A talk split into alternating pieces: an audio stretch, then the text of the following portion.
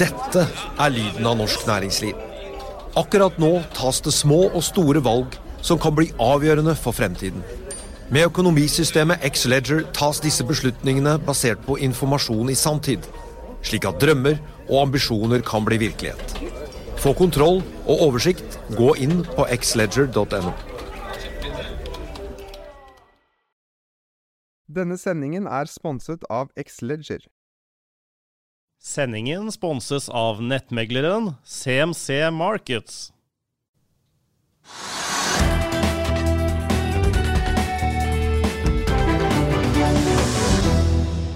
Velkommen til Økonominyhetene julepodkast-spesial. Sammen med Trygve, meg og så har vi hentet tilbake to favoritter. Og i dag eh, vi tar jo opptakene som vi har jukset det til, 11. desember. Og det betyr at det i dag akkurat er et halvt år siden vi snakket med Øystein Streisbetalen og Harald Moreus Hansen sist. Eh, dere er jo da to av Norges aller beste investorer, så vi er veldig fornøyd med å få dere tilbake for en liten recap på hva som har skjedd siden sist. Og, og det har jo gått et halvår. Har dere tjent noe penger på børsen eh, det siste halvåret? Øystein? Ja. Litt. Det blir, blir jo litt. Det blir litt. Ble halvåret slik du hadde forventet, Harald? Ehm, nei, det blir det vel aldri. Men, uh, men jeg har ikke regnet på det heller, liksom hva det har vært eller ikke vært. Jeg prøver å la være å gjøre underveis i et år uansett. Men, men har markedet som sådan gått den veien du trodde eller forventet? Altså, Er det blitt bedre enn man forventet? Er det altså, en- omtrent 12% avkastning på Oslo Børs til i år, da? Er det omtrent som forventet? Er det bedre enn forventet? Eller, eller er Jeg tror for egen del at det kanskje var litt bedre enn forventet. Men det liksom, man blir så lett påvirket av disse hva skal jeg si, store overskriftene over handelskonflikter og, og eh, usikkerheten rundt det og brexit og andre ting, at uh, aksjemarkedet har jo nok en gang levert et ganske godt år. Ja, Dere var jo litt uenige om ringvirkningene av handelskrigen sist gang vi snakket sammen. Og Harald, du var jo jeg må lov å si at du var litt mer bekymret enn Øystein. Ja. Eh, og vi, du spådde også at vi kanskje kunne få en avtale det halvåret som har gått, men det har ikke skjedd. Nei, det har ikke skjedd. Og, og, eh, men, eh, men eh, kanskje vi unngår liksom ytterligere eskalering nå den senere uken, og det kommer nå åpen en jul. Eh, eller så blir det liksom utsatt. Jeg, jeg skulle tro at eh, igjen, i hvert fall før eh, presidentvalget om et års tid, at, eh, at det til slutt blir en avtale. Men eh, det har tatt tid. Jeg har i hvert fall trodd hele tiden at det hadde en påvirkning på, på økonomien, og det mener jeg det har hatt. Men, men eh, mens eh, kanskje Øystein har ikke trodd så mye på det, men jeg syns at det, du ser det på økonomiene. Men, men børsene har gått, uh, ristet det av seg og gjort det bra likevel. Hva tror du Øystein? Du mener jo at disse straffetollene har USA blitt godt vant med, og fjerne de nå ville være helt uh... Ja, Handelsforholdet mellom USA og Kina er jo én til fem. Og eh, de eh, tollene som USA har innført på kinesiske varer, det er jo en moms på kinesiske varer, ikke amerikanske varer. Det er viktig å huske på at den amerikanske økonomien er jo 85 innenriks. Altså 85 av varene og tjenestene produserer de selv, til seg selv. I motsetning til Norge hvor vi er 50-50. Vi er mye mer avhengig av eksport og import i Norge. Slik at eh, USA har ikke noe hastverk med å innføre noe avtale med Kina. De kan bare sitte og vente, de. Og nå er jo disse Ja, føderale men det, er, det er vel, altså, De eksporterer, eksporterer en del som landbruksprodukter og andre produkter til Kina, så de amerikanske bøndene er jo sinna på, sinna på Trump. Ja, men nå må vi ta litt igjen det amerikanske samfunnet, Trygve. Ja, Det amerikanske samfunnet, når vi startet utvandringen til USA for 200 år siden, så var USA et agrikultursamfunn. Det er jo verdens største prosent av jordbruksprodukter. Eh, det amerikanske agrikulturproduksjonen er rundt 1% av bruttonasjonalproduktet i USA. Nesten 30% er finansielle tjenester.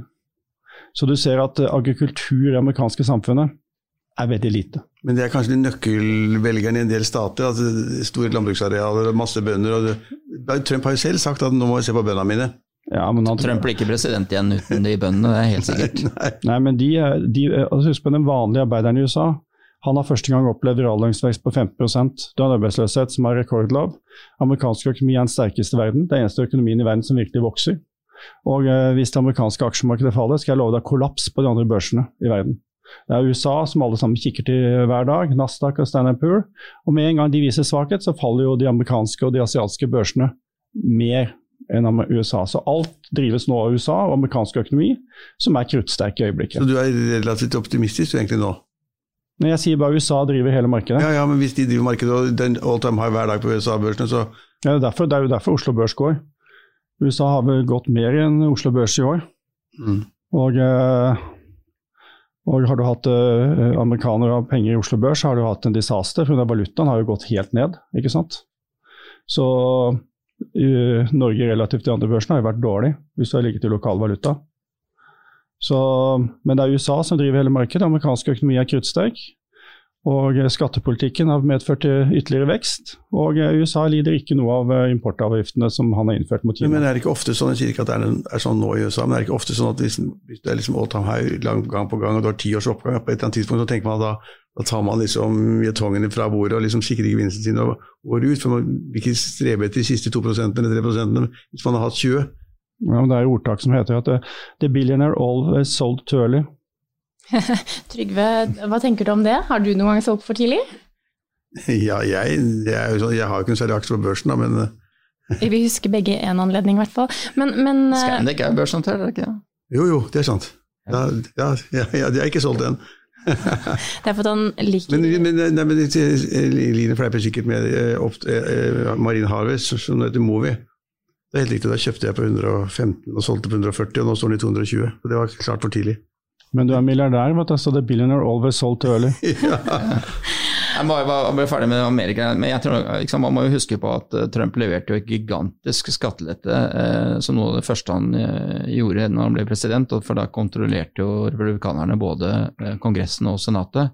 Eh, og den eh, skatteletten den var eh, sånn Reagan-størrelse på, og den hadde nok en stor effekt eh, på eh, 2018 og 2019.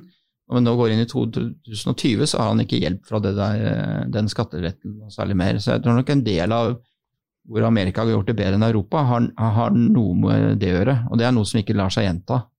Det er også noen som sier at eh, noen av de skattelettelsene skulle reverseres. Det skjønner De, de, er, de kan reverseres, ja. Mm. Uh, så, men da må de jo få et annet uh, politisk uh, sånn grunnlag. Og nå ser jo Meningsmålingene er jo nå blitt ganske favorable for Trump, egentlig, og for eh, republikanerne.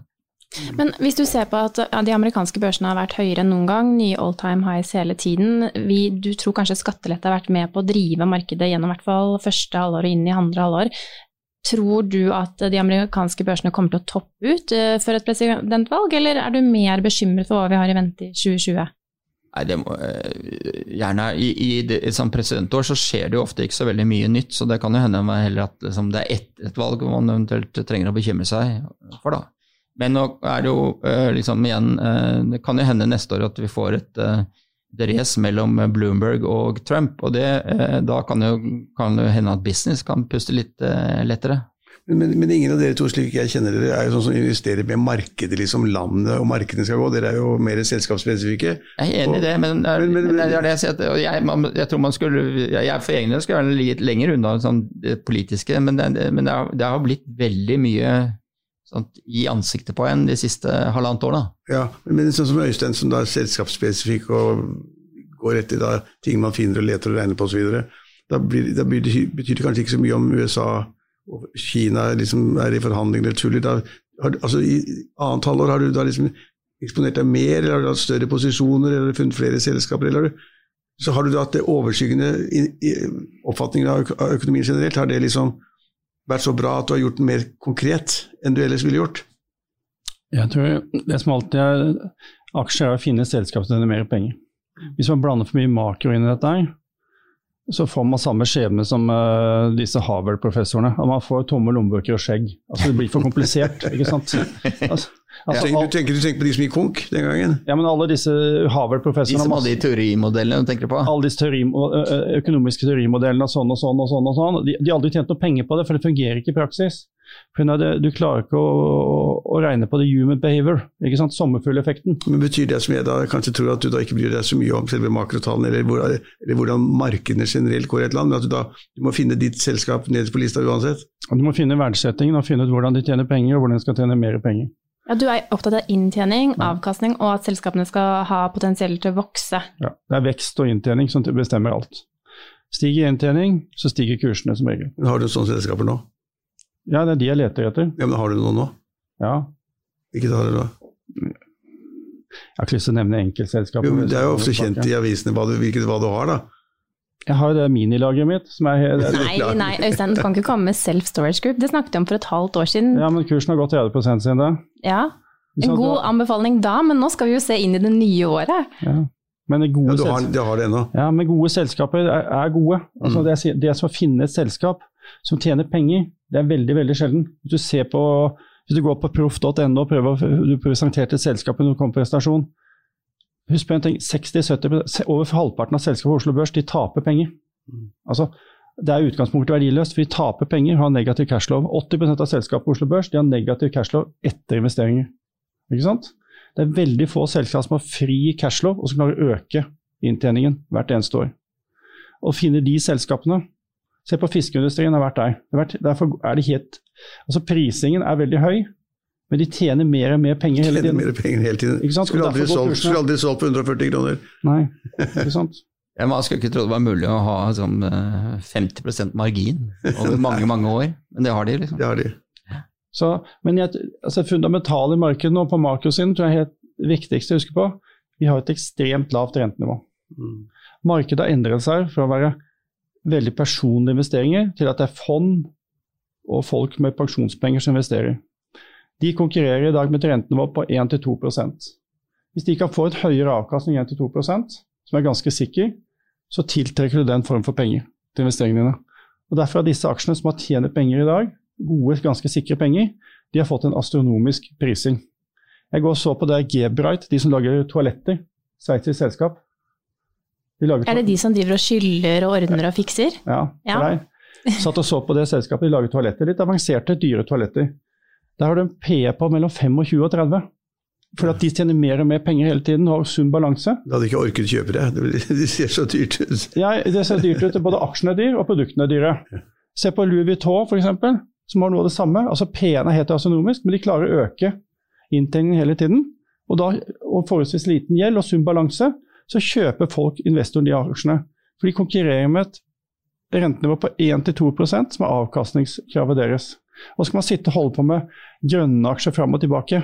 Men over tid så tjener ikke de aksjene etter all sannsynlighet noen gang penger. Nei, altså I sommer på vår øh, konferanse så sa du at de grønne aksjene var bare noe tull. Priset som dotcom-aksjer? Ja, det er fortsatt det. Priset som dotcom-aksjer. Jeg var så på et selskap nå som skulle omdanne øh, plast til olje. Altså, jeg er jo, jeg er jo delvis kjemiker, geolog og petroleumsingeniør. Når jeg så de regnestykkene, altså på ett tonn plast får du fem fat olje. Altså fem flat olje. Et oljeraffineri produserer 200 000-300 000 fat olje per dag. Og så tror du skal lage et oljeraffineri av plast. Det er jo sånn som Du må ha 200 000 lastebillass med plast som skal inn i det raffineriet. Altså, det, er- det er så dumt at du, altså, du, du lurer på om, da, om de nestorene altså, er født uten hjerne. Altså, som det sånn. Jo, men det, er- Du har jo veldig praktisk tilnærming til det. da. Ja, for det er helt enkelt. Altså, den enkle Og det er veldig bra. Den enkle, Ja, veldig bra. kjemien, altså, den enkle kjemien, den enkle fysikken, den enkle matematikken, det kan ikke stemme. Nei. Det er noe gærent. Jeg hadde sånn, Glenn Rødland som jobbet for mange år, han, når han fikk et prospekt og selskap inn som, vi skulle, som skulle presentere seg et selskap, sa han jeg må finne hvor, hvor skammet ligger. jeg må finne hvor skammet ligger. Mm. Så satte han seg ned og så gikk han gjennom alle noter, og så kom han til meg. Jeg har funnet skammet. Jeg har funnet skammet. Her er skammet. For ethvert selskap som forteller en eventyrhistorie som egentlig ikke skal stemme, så er det et skam et eller annet sted. Det er det som må å finne. Så det var derfor du gikk ut av Rex Silikon òg. Ja, ja. Ja, men ah, en kort, en kort kommentar til Rex Silikon syns jeg vi må kunne Ja, ja, ta oss tid til. Du syns ikke det selskapet hadde den store fremtiden? La, la meg ta det helt annerledes. Hvis du går tilbake ti år tilbake i solindustrien og ser på analysene, så har etterspørselen av solprodukter slått alle prognoser. Du har hatt en vekst på rundt 30% i året etter etterspørsel og installasjon. Prisene, når vi holdt på, så kostet da et solpanel per kilowatt rundt 70 cent. Fikk du da for et solpanel i kapasitet. I dag ligger prisen på 20-25 cent. Så lønnsomheten å produsere sol, energien sol, er ekstremt stor i forhold til hva den for ti år siden.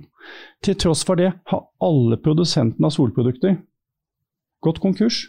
Altså, dette er jo helt, Hvis du har tatt dette som et case på en hvilken som helst økonomisk universitet, altså et Det marked burde vært et case, faktisk. som vokste med 30% per år, og hvor det var åpenbar energiøkonomisk lønnsomhet å investere, så jeg tror at de som var inne i den sektoren der, ville tjene masse penger. Men alle sammen gikk konk. Hvorfor det, da? Fordi at kostnadene falt og falt og falt. Og at du hadde kinesere som ikke produserte ut fra lønnsomhet, men kun ut fra marked. Men nå er det jo deilig. Og så kom det importtoller fra da til Kina Ja, på det silisium. betyr, men det betyr veldig lite. Ja, ja, men det gjør at det blir enda dyrere. så De falt ut, de falt jo helt ut av markedet, og- Rex Silicon måtte jo da legge ned fabrikken i Amerika. Ja. De fikk ikke se- solgt en kilo til Kina. Men nå har Kjell Inge Røkke stor tro på solenergi. Ja, det det, må, tok, tok jeg på, men men det, kan du spørre, det kan du spørre han om. Men eh, altså det, det som er at den, det fremfor bare underskudd. fra Ja. men, men, Ding, den, ding, ding. men den Moses Lake, hvis du så den teknologien som Rex Silicon hadde, det er jo den beste teknologien i verden på fremstilling av silikon, og den billigste på rent silikon. det hjalp ikke Det likevel. hjalp ikke likevel. Det er jo Så det var, et, det var veldig lett å rote seg inn i dette her, og så klare å tape store penger. Mm. Men det du så, det var at kostnadene falt så fort. Og på alle konkurrentene dine, så du ble helt spist i stykker. Du måtte bare investere, investere, investere hele tiden. Men Harald, når vi snakket sammen i sommer, så sa du at du hadde trukket deg litt, litt ut av markedet fordi du var litt bekymret. Men jeg syns du ser veldig fornøyd ut akkurat nå. Det kan ikke ha vært det verste holdåret du legger bak deg? Nei da. Men, men eh, nei, nei, jeg sier det har jo liksom eh, kanskje gått bedre enn hva jeg hadde fryktet. Men tok Eh, du, tok, tok, tok, tok du eksponeringen ned i antall år? Ja, det gjorde jeg vel, i hvert fall for ting som hadde med liksom, Old service å gjøre, hvor jeg trodde jo liksom at det skulle bli bedre i 2018. Det ble det ikke. Så innså jeg vel i innår i 19 at det der kommer til å ta tid, og det har det jo gjort også. Da gikk du da ut av det som hadde med olje Ja, da tok jeg eh, ja, det betydelig ned. Men shipping har jo heldigvis da blitt eh, noe eh, en gang Shipping er gull eh, igjen. Ja, det er så hvert femte til tiende år så kommer det en eller annen periode hvor liksom eh, hvor det blir litt bedre, eller Men Øystein har gått inn i tank. Har du også gått inn i tank? Ja. Ja, jeg har med liksom Arne Fredelig og Han er jo han er ordentlig reder. Han har jo fire stortankskip, han, så han er ordentlig reder. Han, alene. Ja, bare 50 av det, ja. Det er, det er jo påkledd da, når du har fire storfangstskip. Ja, Arne har den ikke åtte? Da. Arne har åtte, og ja. du har Nei, jeg har ikke noen tanke på det. Jeg er indirekte, liksom, men det er men jeg, men jeg, det mest som deg, som aksjer, da. Men det er uh... jeg, eide, jeg eide 51 av verdens største Happy seller en gang. Ja, det har vi hørt om før. Men du, altså, Nå er det tank begge to. Hvilke, hvilke, tank, altså, hvilke tankaksjer? Nei, det, det, tror jeg hvis, liksom, Da kan man jo Si ti 15 rederier er ute, og jeg tror ikke det er veldig store eh, pluss eller minus med de ulike. Eh, for de fleste tror jeg sikkert det er sunt da å spre seg litt. Men dere er begge to sikre på at tank kommer til å gå nå? Sikker kan det ikke være på noen ting når det gjelder shipping, men, men, eh, det er jo en veldig syklisk næring. Men, men, det er jo, jeg tror noe av grunnen til at shipping nå ser litt bedre ut, er jo at er det samme altså som altså er, Folk er så bekymret for for hva som er liksom fremtiden for oljekonsum, og folk er bekymret for hva som er fremtiden for hva slags eh, fremdriftsmaskineri du skal ha på en båt. og og Det gjør at liksom, folk bestiller ikke nye båter, folk sitter og lurer på hva, om det skal liksom, være det ene eller andre. Så det, det gjør at kapasiteten ikke vokser noe særlig fort. Uh, og så har du da til dels nye regler. Og, som IMO skal gjøre 2020. Verden, ja, ikke Ja. sant? Disse reglene som skal gjøre verden eh, renere og penere og sånt. Og, uh, og det gjør at, uh, at drivstoff blir en god del dyrere. Og dyrere drivstoff det betyr på marginen litt at man seiler litt saktere. Du får med andre ord dårligere utnyttelse av den kapasiteten som er der. Men du Hvilket spå- er bra for de som har den. Men du spådde at det til og med kunne bli sånn kaostendenser i Ja, og kaos shipping? sånn sett er jo bra, ikke sant. Altså for, fordi det er eh, Hvis liksom alle ressursene utnyttes optimalt, så er det jo raskere en situasjon hvor, ressursene strekker til for etterspørselen. Hvis du blir litt sånn uoversiktlig hva som skjer, så, så blir det fort eh, at behovet blir større, egentlig. Eh, og det er det du har fått. Da. Du vil i hvert fall ha det en periode. Men er det hovedsakelig i fredelighetsrederier begge to, eller andre tankerederier? Nei, jeg har en rekke av det, liksom. Rekke Jeg tror av ikke det er, jeg tror kanskje Øystein han kan snakke for seg selv, men jeg, jeg tror Han er også fredelig. jeg tror, altså, Men det er jo nye skip. Men la oss gjøre det litt til enkelt. Den aksjen som sikkert er dyr på nett asset value alt sammen, det er jo Frontline. Men da har du en vaktbikkje som passer på alle sammen. Han har penga sine der selv. Han har en flink sjef som heter Robert Wide, Robert, Robert Wide, som selv har kjøpt masse aksjer. Og, passe, og gjør, gjør de optimalt riktige tingene som de mener er optimalt helt riktig. Altså, Hvis tankmarkedet kommer, så må frontline gå. Altså Den kursen må gå. De andre kan du få en eller annen overraskelse fram og tilbake på. Det er sant. Men det har alltid vært dyrere enn de andre, så det er på en måte greit. Og alle investorene i verden kjenner historie. Altså En aksje med historie har alltid en verdi, Trygve. Mm. Den har en historie. Og Derfor tror jeg at hvis vi gjør det helt enkelt, så er det bare å kjøpe frontline. Ja, og så, og så må det jo bare sies at Du hadde jo tenkt å overlate tank til Fredelig når vi snakket sammen sist, men det, der var det åpenbart for Han har- mye penger på gata? Ja, han, eller? har, han, har litt, av- han har litt penger, han har noe av pengene mine. Ja. Men, men, men jeg er enig i at shipping kanskje kan bli ganske spennende, men altså containerfart er jo bånd. og tørrlast er jo skummelt. Det er bare tank. Det er bare tank. Det er det, olje, er- det, er- tank, det, er- det er kanskje bare tank igjen, da. Ja da, jeg er enig, i. Men, det er jo, men det er, I Norge er jo det en stor næring, liksom. Ja, det er en stor næring. Ja. Liksom, det er jo tradisjonelt Det er vært det vi har hatt. Og så har vi overlatt containerne til, eh, til dansker og Ja, og tyskere. tyskere, sånn, og tyskere. Kommanditselskaper og Så det er jo tank gjerne i Norge. Tank, kjemikalietank, produkttank, sånne ting da, som nordmenn gjerne har vært investert i. Men hvis, det, men hvis prisen på olje går veldig, nå har det ikke gått veldig, da, den, fikk man en ny begrensning i produksjonen eh, fra OPEC pluss Russland, og så har prisen har gått, i, når vi snakker sammen her, men det kan jo To dollar høyere enn Ja, men nå er den på 64 dollar på Brenten eller sånn. Hvis den skulle gå i 70-80-90 dollar på fat, for hvis altså Saudi-Arabia gjør nye triks, da vil det bli mindre behov, altså mindre behov for olje, og bli fraktet mindre olje. Da er man utsatt for sånne internasjonale bevegelser igjen.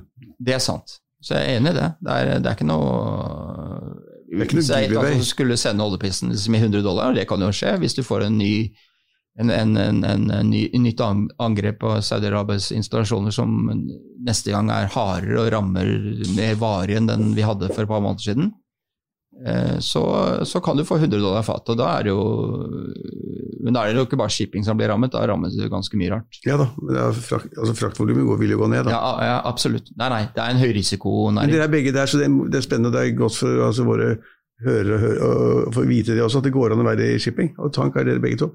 Neste sek- innimellom, når det endelig er bra, så det er jo den, den næringen at sant? Fordelen er at når om Jon Fredriksen får liksom eh, millioner dollar for å frakte en last, eller fem millioner dollar for å frakte en last med to millioner tonn eh, olje om bord, så det er 340 millioner liter, om du vil, bensin på én båt. Så han karen som står og skal ha bensin til bilen sin, det er det fremdeles noen av ennå, eh, selv om det blir en del el etter hvert, så er det mange som skal ha som en eller annen form for bensin, så spiller det ingen rolle for han med bensinpumpen om Fredriksen blir styrtrik, eller om han tjener bare litt penger, eller liksom taper litt. Men da Og kom, den insensitiviteten der, den er, eh, det er det som gjør at det av og til kan gå ganske høyt når det først blir stramt. Men kan ikke bare hoppe til noe annet som er viktig, som jeg vet at masse av våre, i hvert fall jeg er opptatt av det, masse av våre hører er det og ser og sånn, og det er jo det, er det at øh, Øystein, du var, sa vel på den, øh, vår, vårt møte i sommer, så sa du at rigg-aksjer var forferdelig, og du måtte selge alt, og de ville gå i null eller noe sånt nå. de har ikke gått i null enda. De har gjort et godt forsøk, da. Ja, men, men, men er du like negativ som du var den gangen? Altså, er det for mange rigger i markedet? Er det for mange useriøse, dårlig finansierte, dårlige balanser? og Oljeselskapene vil ikke bruke så mye penger på rigging, eller på boring? Du var kjempenegativ, så bare glem jeg, det, jeg er enda mer negativ nå. enn du var i sommer. Ja. Fordi at øh, overkapasiteten er enorm. Du kan få litt, litt opp, men det er så mange rigger som ligger og venter på å, å komme ut. Og øh, øh, så lenge det er flere, for mange rigger til ledig, så vil alltid oljeskapene spille de ulike aktørene mot hverandre. Og de er gode. Og de, oljeselskapene er Og de er gode. Det er enkelte spesifikke rigger du kan få et særmarked i Norge hvor det er liksom veldig få rigger som er tilgjengelige, som har spesifikasjonen inne, hvor du får enkelte gode rater for at den og den riggen passer. Men en vanlig commodity-rigg som kan jobbe verden over, har jeg lite tro på kommer til å tjene penger. Jeg spurte her om dagen, det var liksom sånn eh, liksom forsøk på fun fact som ikke er så veldig fun for eh, det er at det er fremdeles 8% ordrebok på verftene for rigger som skal leveres. Åtte I, åtte, ja. I en, i en verden som har altfor mange rigger allerede. fra før. Ja. Ikke sant? Så det er Du må liksom bli kvitt eh, en del til for å få rebalansert det markedet. Eh, men det er klart at det, eh, men så er jo prisene reflekterer selvfølgelig mange av de utfordringene. Og, men mange av disse selskapene har jo blitt giret eh, fordi de jo delvis brenner så mye penger underveis at Øystein kan godt ha rett i at, eh, at her er det mange som må innom null en gang til før det helt tatt blir noe. men det var jo masse, masse søkelys på Borr, altså Toralf Trøim osv. En kjempespekk, og kjøpte rigger i øst og vest, og sånn, og alle er nye, alle er gode. Uh, og jo, En periode ville mange ha det, men nå ser det ut som man- folk er litt engstelige for den, selv det selskapet. da. Jeg har en ting i finans, det er at matematikken seier alltid til slutt. Hvis, Ja. du kjøper, hvis du kjøper en jackup til 150 dollar, og har 20 år igjen i levetid, du skal, du skal, du har ni- og 90 oppetid, altså utilization med riggen over resten av levetiden, for å få 10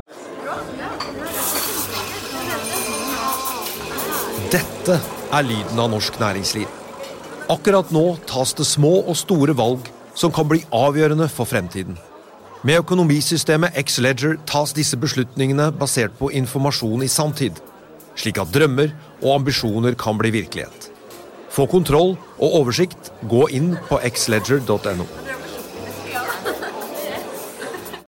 Denne episoden er sponset av van Brun, en fremtredende smykkeforhandler kjent for sitt brede utvalg av forlovelsesringer, gifteringer og diamantsmykker som bæres og elskes i generasjoner.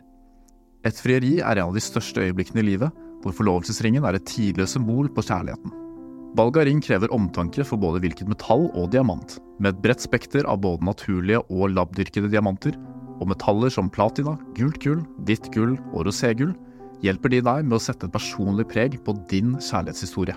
Van Brun vil gjerne invitere deg til å prøve på tre av dine favorittringer fra nettsiden helt kostnadsfritt. Du kan også låne et bredt spekter av frieriringer, slik at du og din forlovede kan velge en ring sammen etter det store ja. Van Brun tilbyr 90 dagers åpent kjøp og 90 dagers gratis størrelsesjustering. Utforsk deres eksklusive sortiment i luksuriøse omgivelser. Bok en konsultasjon sammen med en diamantekspert i deres showroom i Oslo. Eller online på vanbrun.com. V-a-n-b-r-u-u-n.com. avkastning på investeringen din, som har rata på 140 000-150 000 dollar i hver dag i 20 år. Altså, Regnestykket er helt umulig. Altså, og det ser du. Vi har vært gjennom tidenes boom. TransOcean sto i 20 dollar for eh, 15 år siden. Og eh, i, den perioden har du hatt rater som har vært helt utenkelige den gangen. Nå er kursen 5, og den går i null. Det gikk i 190 Den Det gikk i 190 først, og så fordi at folk trodde på regnestykkene. Men altså, matematikken seirer til slutt bestandig. Altså, du kan jukse innimellom fram og tilbake, men avkastningskrav, hvis du setter ned og regner objektivt på avkastningskravet Anders Jahre hadde en bra Hvis du leser boka til Anders Jahre, så kom folk inn, eh, kom, eh, Han var en av de beste investorene som har vært noen gang innenfor shipping. Og industri og det han var inne i. Han hadde alt én ting regel var alltid safety først. Og Så kom alle medarbeiderne med at man kjøper det skipet, investere i den ryggen, gjøre det og det. Så sa han en ting. Ta bort, ta bort eh, datamaskinen og ta bort eh, kalkulatoren. Gi meg en penn og et papir. Så tok han bakpå, bakpå konvolutten. så skrev han hva koster det, hva er raten, hva er inntjeningen, og så sa han den går vi ikke for. Og så kom de med regneark og fram og tilbake og sa en ting. La andre ta regnearket. Hvis ikke du kan regne enkelt på et selskap og enkelt på en businessmodell bak på back of envelope, så la noen andre få det, han. Da er det for komplisert. Da er det ikke matematikken her. sånn. Men hva er det dere sitter og regner på nå? For dere har åpenbart regnet en del på rigg begge to, og shipping har vi vært gjennom, og stortank og, og rederikunnskaper. Men, men hva altså du, du, Øystein, har sagt at det handler om å finne det nye store. Sentimentet, hva blir neste steg? Hva er det som blir neste steg nå? Det kommer alltid noe nytt. Ja, men hva kommer da? 2020, liksom? Hva kommer i 2020? Du, Øystein, dere er tror jo ikke på supply. Øystein er fortsatt et supply, da, hvis du kan kalle det Ja, hvis du har noen kjøpere, så kan du ringe meg. ja. for det, ligger vel 400 supply-båter i opplaget til i Norge? Ja. Det har vært litt bedring, men Ja. det er ikke noe Du blir ikke, du blir ikke rik av nei, de båtene heller.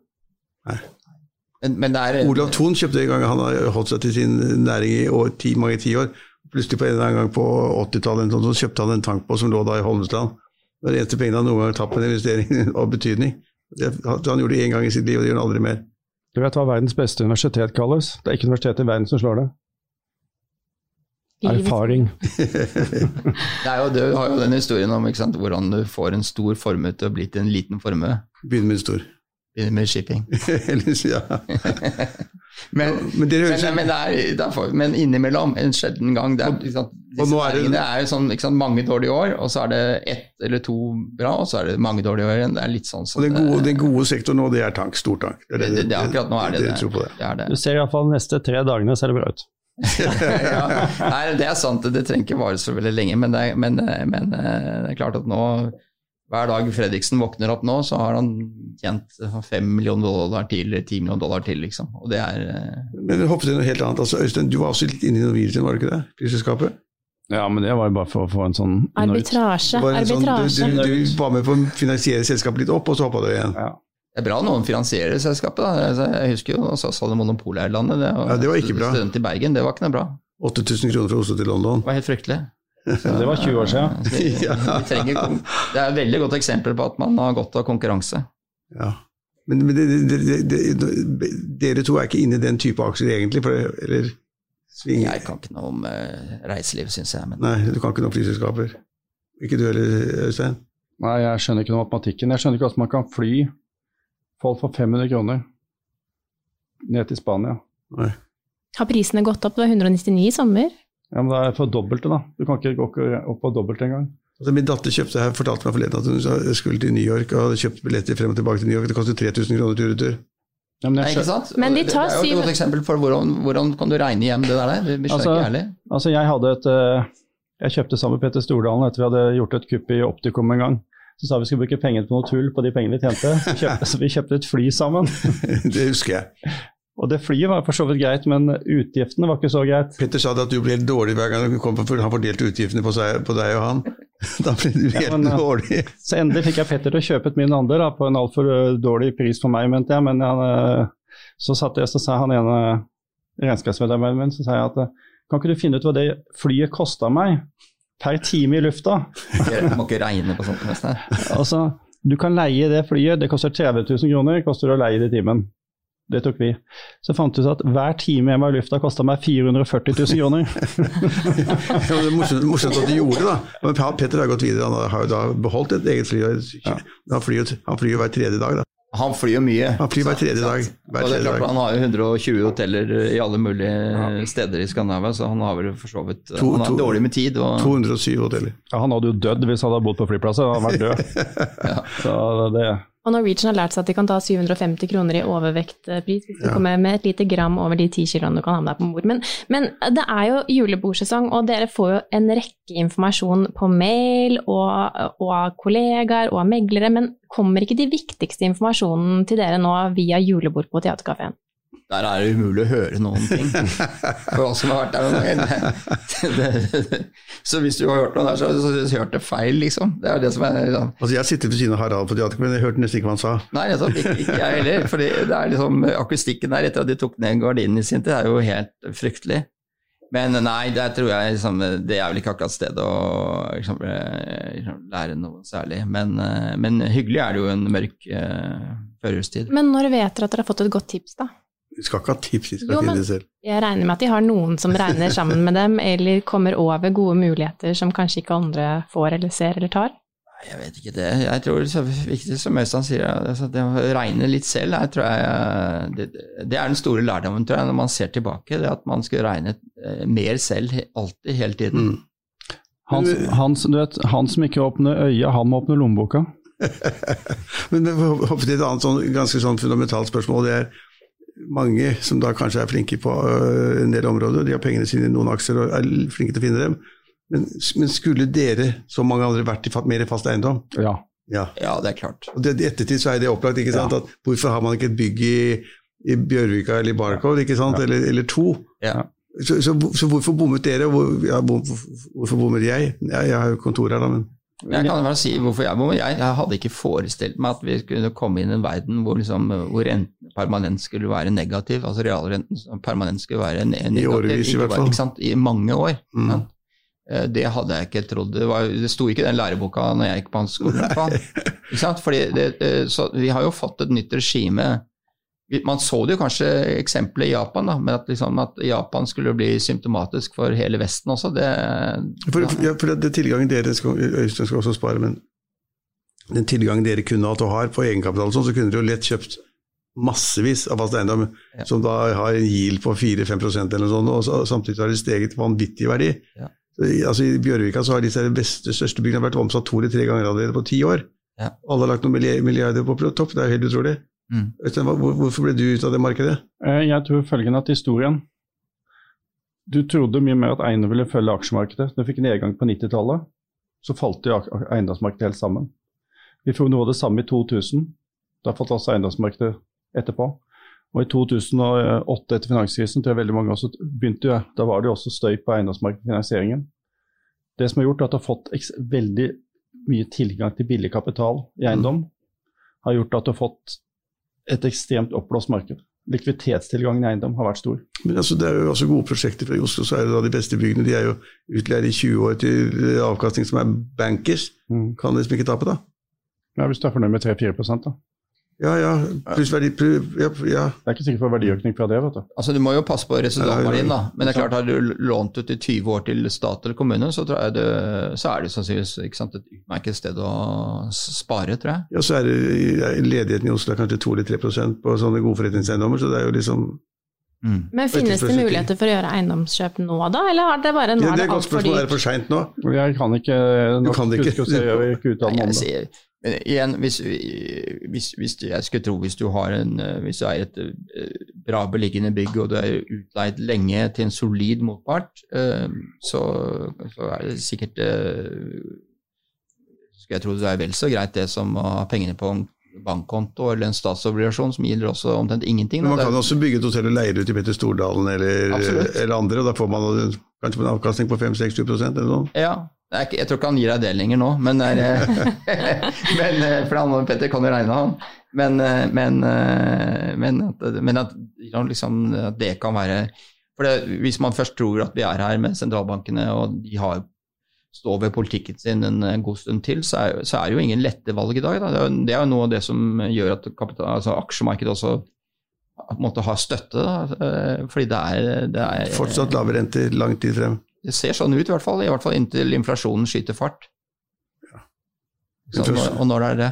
Nei, altså, det, mange har jo snakket om eh, inflasjon og og resesjon. altså, Prisveksten i de fleste land er jo 1 eller 2 1 eller 2 Ja. Og enn så lenge er det jo mange næringer som har overkapasitet på produksjonssiden, så det er, det er liksom, akkurat nå så ser det ikke som noe så Det virker ikke som sentralbanken er veldig redd for inflasjon, og da kan det hende vi har lave renter en god stund til. Eh, og da, er, Men, da må man søke avkastning et eller annet sted, så sånn sett er det sikkert eh, sant, at eiendom eh, kan være fortsette å være bra. Men dere bomma, som jeg. Absolutt. Bommet, gikk ikke. Vi har ikke tatt penger. Nei, nei, jeg har ikke tapt noen penger, det er et godt poeng. Nei, da, så har man jo eid litt hus og hytter og biler altså, det er jo, har jo alle. Jo, har jo alle nordmenn har jo hatt glede av dette, liksom. på en måte. Det er jo Hytter og hus er jo Jo, jo, men for folk flest Jo, men for folk flest er jo, er jo folk Altså, du Vi alle går på skole så det med barn som liksom, vokste opp og de har hatt en vanlig jobb, og egentlig har de ikke spare, sparekapasitet til mer enn si, 50 000 kroner i året etter at liksom, barn og, og liksom, familie skal forsørges og alle sånne ting. Men, men de har hatt et, kanskje hus og hytte, og plutselig så har de formue på 15 millioner kroner. Så leser man i Finansavisen at det omsettes hus og greier på 40 og 50 og 70 millioner hele tiden. Ja. Det som var utenkelige priser for ti år siden, er nå bare helt vanlig. Nesten dagligdags i Finansavisen i hvert fall. Kjøpte, Ja. solgte hus til 45 og kjøpte til 47. Det er et interessant uh, tema i Norge nå. Det er at uh, handelsbalansen i Norge begynner å gå med underskudd. Ja, det, er tegn på det. Det er et nå. ganske stort endring i paradigmeskiftet for Norge. Ja, det er en game changer. hvis Det er en det stor game changer. Og av de store tingene jeg har tjent litt penger på i år, det har ligget kort i kronen. Ja, men hvis altså oljeprisen stiger, så, så, oljeprisen så øker jo eksporten. Men oljeprisen går ikke opp. Nei, går ok, ikke det, du, du, du tror ikke på en økning det, det er- helt utenkelig. Ja, ikke, ikke Men- hvis de skrur til produksjonen og tilbudssiden, så vil jo Ja, men du ser en ting. Poenget er følgende. Hver gang OPEC historisk må kutte, kutte, kutte, så har oljeprisen vært svak. Hver gang OPEC har vært i posisjon til å kunne øke, sånn som den gjorde på begynnelsen av 2000, så økte OPEC produksjonen hele tiden. Da gikk oljeprisen. Altså, jeg vet ikke, de, altså OB kuttet jevnt og trutt fra 73 frem til liksom 85. Ja, men da var Og, det og de første kuttet, ti årene av den perioden var jo oljeprisen kruttsterk. men så kollapset det. Ja, det, så, det er riktig. Totalt kollapset det, Ja. fordi at de kutta, kutta, og så kom Nordsjøen inn. Det var Nordsjøen som kollapset OPEC. For du fikk altså fra null til fem millioner fat i Nordsjøen. altså Nordsjøen kom nesten til 10-12% av produksjonen i verden. For Det produserte for rundt 50 millioner fat, og Nordsjøen kom med fem i løpet av fem, seks, syv år. Nå har vi fått det samme, vi har fått et nytt Saudi-Arabia med Shale. Shale produserer nå i løpet av ti, produserte nå Ni millioner fat, vel da? produserer Shale Det er et Mm. nytt Saudi-Arabia. Det kommer i USA også, da, med en kjempevekst i tilbudssiden i USA. Det er det jeg mener med shale. da. Shale, Ja. ikke sant? Det er shale. Men jeg syns Saudi-Arabia, men så er det USA som Ja. kommer Du Vi har fått et shale, på- et nytt Saudi-Arabia, på ti år i USA. Mm. Ja, i USA, ja. Ja. Og hvis du ser ExxonMobil nå, så solgte ExxonMobil altså Jeg husker bare for NTH når jeg gikk på petroleum. De smarteste folka i klassen, de begynte i ExxonMobil. Det er de flinkeste folka. De så de solgte alle andelene sine i Nordsjøen nå, til Vår Energy. Og hvor investerer de pengene? Shale, Permian. Hjemme investerer de Permian. Og de har sett lønnsomheten i dette. Husk på at Shale er en meget ung industri. Det er kun ti år gammel. Det er mange som sier at de, alle de shale-produsentene i USA egentlig tapte penger, hadde dårlig balanser og lå på knærne kan på bankene. Da kan du snakke med er- bare altså Statoil, eller Equinor som de liker å kalle seg nå, de, de kjøpte jo gasshalen. Eh, det gikk til dundas, liksom, eller verdimessig foreløpig. Men oljedelen av shale, den er jo gjennomgående lønnsom. Og eh, hvis du går ti år tilbake, så har jo produksjonskostnaden falt 70% på ti år. Og husk på dette er en ung næring. Jeg kan ta et eksempel. Når vi gikk på NTH, så fant man et av verdens største oljefelt, det var jo Trollfeltet. Hovedproblemet med Trollfeltet var at oljesonen var veldig lav, og oljen var tung. Slik at de trodde at eh, break-even på olje var 30-40-50 dollar, var det vi satt og regnet på på, på midten av 80-tallet. Når de klarte å løse horisontal utbygging og nye utbyggingsløsninger, så kom break-even på olja under 10. Vært et av de mest lønnsomme oljefeltene i Nordsjøen. Dette er samme vi er på Shale nå, tror jeg. Og når jeg ser hvem som går inn der, ser produksjonsutviklingen, ser hvor mange færre rigger de bruker til å få opp olje, hvor mindre mannskap de bruker til å få opp olje, så kommer Shale til å bli enormt stort. Ja, så Rystad sier jo det at ø, oljeprisen kan falle til 30 eller 40 dollar Han fatet. gikk jo sammen med meg på NTH, så han er jo gått den riktige skolen. Han er flink. Altså, disse, han er flink. altså, han har gått en riktig Ja, han kan mer om det der enn de fleste. Jo, han sier, Han kan- han han sier kan mer- 30-40 dollar. Han kan mer om det han har oljenotering som sitter, som Han sitter kan. i Arctic eller Sparebanken 1. Han. Han her, han kan regnestykket. Altså, han har oversikt over alle brønnene i verden, og produksjonskostnad på alle brønnene i verden. Men så sier han at at hvis de da foretar nye kutt i OPEC og utenfor OPEC, så, så går det ikke ned. Holder seg midlertidig, og så faller det opp. Ok, men short i norsk krone, er du fortsatt det? Ja, jeg tror norske kroner kan gå i, på to-tre år gå i 15 mot euro. Norske kroner kan kollapse totalt. Vi har en regjering som er helt uten Ja, handlekraft. nå er han 10-15 eller sånn, ikke sant? tror, altså fort gå i 11-12, 11-12, ja. Ja, for vi har en regjering som er helt uten handlekraft. Som ikke, offentlige utgiftene har eksplodert. Vi holder på med klimatiltak og klimapolitikk som, er, som, som, som, er, som gjør at industrien er helt livredd for å gjøre noe. Altså De bare sitter og trekker seg tilbake. Hydro investerer ute, Yara investerer ute. For hva kommer av klimaavgifter, og hva er fremtiden her? Så jeg tror den klimapolitikken og den usikre industripolitikken som regjeringen eh, fører, gjør at veldig mange vegrer seg for å gjøre tunge industrielle investeringer i Norge. ja. Da, da, kan, da må jo staten bidra da, for sin eierandeler. Det blir jo ikke mer lønnsomhet av det. Nei, men det blir mer penger til de selskapene de trenger det. Ja, altså, jeg Du har ikke noe tro på norsk industri, altså? ikke med den regjeringen og den regjeringspolitikken selvfølgelig, og usikkerheten som er rundt dette her. Og- Altså, regjeringen har ikke klart å De som altså Dette er det sjuke i Norge. Hvis du ser på Gustav Witzøe, som må investere pengene sine hele tiden i SalMar på å bygge landbasert industri og filering i Norge, han blir straffet med en formuesskatt i året, som er faen helt formidabel. Mange hundre millioner kroner i året som han må ut med. Ja, men du, men, Hvis han hadde men- han har industriarbeidsplasser. Hvis han hadde solgt hele SalMar til Nestle eller en annen som står i kø for å kjøpe det, så kunne han kjøpt alle disse dumme byggene i Bjørvika og vært skattenøytral. Altså, Den regjeringen har enda ikke klart å gjøre det skattemessig nøytralt om du eier en eiendom eller du satser industriproduksjon. Men ser dere for dere at det skal bli noe bedre etter neste valg, da? Ja, men Nei, men det er det som er problemet, da. Det er det som er problemet. Problemet er følgende. Det er problemet er følgende. Erna Solberg gjør ingenting. Hun har vært en katastrofe for norsk industri og katastrofe for offentlig forvaltning. Hun sitter bare som administrator, og det blir ikke gjort tiltak. Det blir ikke gjort konkrete tiltak. Og dette kommer til å gå fort unnabakke når det først blir unnabakke. Og 2020 er det første året vi får et handelsunderskudd på handelsbalansen. Og vi kommer til å få svekket kronen, og kronen kommer til å føre til kanskje økt inflasjon. Det er bare en bitte liten korreksjon på det at hvis, altså hvis da verden utenfor tar seg opp, så vil de kjøpe mer av norske, varer. Vi er enige. Ikke sant? Og, og hvis vi går litt ned, så vil vi kjøpe mindre, så det kan bli litt bedre. da. Men, men det, nye, det er morsomt, morsomt, morsomt det du sier, Øystein, men Hvis vi da får en ny regjering i 2021, Mm. en rød-grønn regjering, så vet, du, vet vi at du og Harald og jeg kommer til å få en kjempesmell på formues- formuesskatt og arveavgift. Ja, men, Hva skal vi gjøre med det? Ja, men en ting som jeg sier det er Hva gjør vi med det? Ja, men jeg sier en ting du gjør med det. Jeg tror at hvis det blir for voldsomt, så tror jeg folk bare stikker. Ja, du kan stikke, for du kan sitte hvor som helst. Ja, men det er det som er. Altså, folk stikker. De, Harald kan også stikke av. Ja, men de kan ikke holde på sånn. Ja, men grunnen til at vi sitter her, er jo fordi vi you know, you know, vi liker jo Norge, liksom. Så det er jo, det er jo litt uh, Jo, vi har jo nok av de venner som har stukket, men uh, Ja.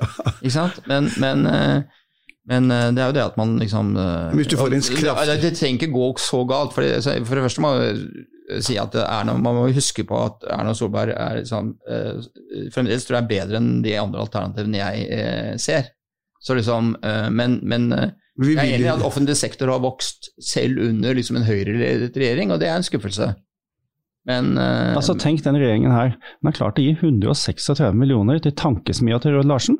Ja, det, Altså, og så er det helsekø!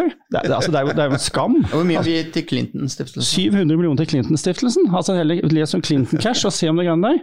Og så er det helsekøer.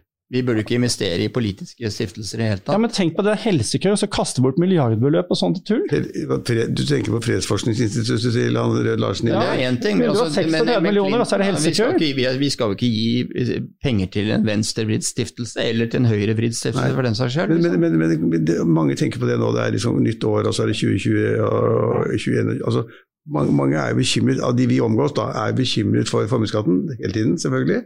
Eh, for det rammer oss uansett om vi tjener penger, men også arveavgiften kommer jo i 2021-2022. Ganske sikkert. Ja, hva, ja, hva tenker dere om det? Liksom, skal Ja, men da er det bare å ta en telefon til eh, et advokatfirma, så er du kvitt den. Før Har du- har du gjort det? Jeg har ikke gjort det, for jeg tror kanskje det er feil at ungene ser de har fått de pengene.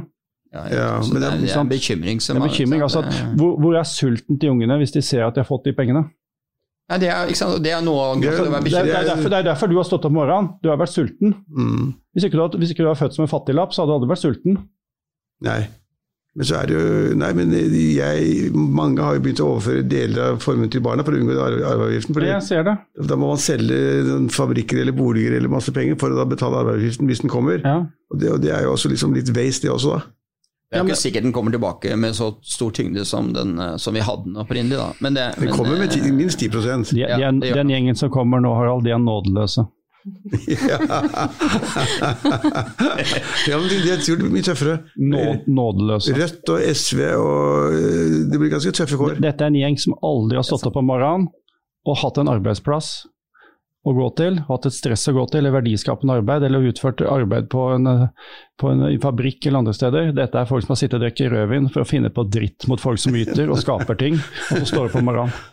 Ok, det, nå må vi la de politikerne få hvile, tror jeg. Og så må vi bare avslutte med at det er jo Når vi sender dette her, så det er romjul. Dere har sikkert fått alle ønskene deres oppfylt. Men hva er, hva er de store juleønskene inn i 2020? Hvis dere kan ønske dere hva som helst?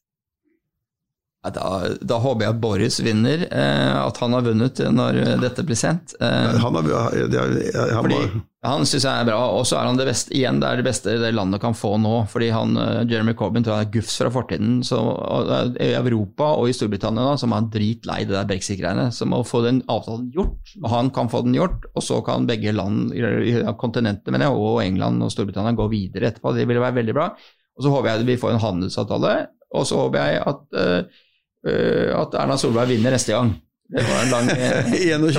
21. Høsten 21. Ja, at, hun vinner igjen. Kanskje hun får snudd Vedum over til liksom, eller gir han, Vedum får ikke snudd, altså. Kanskje. Ja, ja. Tror- Er du så optimistisk som det, Øystein? Nå får de lov til å ønske seg hva som helst. tenker jeg. Hva som helst, ja. Hva som helst, ja. Men da ønsker jeg meg Vedum over på borgerlig side, og, eh, og en uh, forstandig politikk. Hvis jeg skulle ønske meg hva som helst, så ønsker jeg at nordmenn våknet opp og så begynte å ikke lese Aftenposten og VG og de andre for å tilegne seg kunnskap, men å gå inn i materien og finne ut hvordan samfunnet fungerer, og, og hvem som yter og hvem som ikke yter, og, som, og hvordan de blir manipulert av disse politikerne og eliten til å gjøre ting og beslutte ting som er helt feil for dem i lengden. At man våkner opp og ser hvordan samfunnet egentlig skal fungere. For den manipulasjonen som er i samfunnet i dag, og hvordan eliten og andre utnytter vanlige arbeidsfolk, den håper jeg flere og flere ser. Det er mitt ønske til for kort- 2020. Kort, kort spørsmål meg til slutt. Altså, dere er jo da helt sentrale i investormiljøet i Norge. Er, er investormiljøet i Norge blitt bedre eller dårligere de siste årene? Det er det samme. Det er det samme. Ja. Det ikke, Boble kommer, boble går. og aktørene er like gode nå som den gang, eller er det- Det, tror jeg jeg, jeg, jeg, er det lettere å være god nå, liksom, eller er det, er det like mange tøffe? Arne jeg, lagde, Arne jeg lagde en saying, jeg skal ikke si første delen av sayingen, men jeg skal si andre delen av sayingen. Det er følgende. Du må aldri undervurdere hvor dumme folk er, og hva de klarer å tro på i finansmarkedet. Du må aldri undervurdere det. Historisk Det er en god, god avslutning, det. Ja, men, men de, liksom, Altså, bobler, må ikke tro at alle lar seg lure alltid heller. Ja, men det Nei, kommer- de gjør ikke det. Ja, men Harald, vi ser jo det hver det, gjør dag. ikke det, for, det gjør ikke velgerne heller, eller, eller investorene heller. De Men Harald, slutt. Liksom. Du ser jo intelligente mennesker, hva de klarer å investere i, og hva de klarer å tro på. Altså Du kjører enkle regnestykker, så ser du ikke, til tross for det så tror de på det. De vil ikke høre på. Folk er optimistiske av natur, da, vet du. Nei, de ønsker Ja, men de er altså, noen- optimistiske for en grunn, for verden går fremover. Det er viktig å huske når alle nå løper rundt og knapt får sove og har klimaangst og annen angst og angst for alt mulig rart. Sånn, verden går fremover. Ja. Verden har aldri vært eh, sunnere, renere, grønnere, penere og eh, mindre folk som er i fattigdom eh, osv. Verden går fremover. Ja, det er sant. og mindre folk som legger seg sultne. Er det ikke rart at for 150 år siden, før denne klimakrisen startet, så var det 1 milliard mennesker på jorden. Og i dag har vi syv milliarder mennesker på jorden, og det er én grad varmere. Og det er færre, det er færre antall mennesker, ikke prosent, men som legger seg sultne. Altså, det er nesten ingen, det er ingen, du leser ikke om hungerskatastrofe eller ting lenger. Altså folk, flere og flere mennesker har det bra. Har det bedre, i hvert fall. da. Ja. Det, Og det er klart vi kan bli bedre på ting fremdeles, og det gjør man jo, men, liksom, men, jeg tror, men det er jo grunnleggende, altså grunnleggende grunn til å være optimistisk. Liksom. For, ja. du trenger god juleavslutning. ja. Ja. Takk for at dere kunne være med oss i dag, og håper dere får en fin start på nyåret.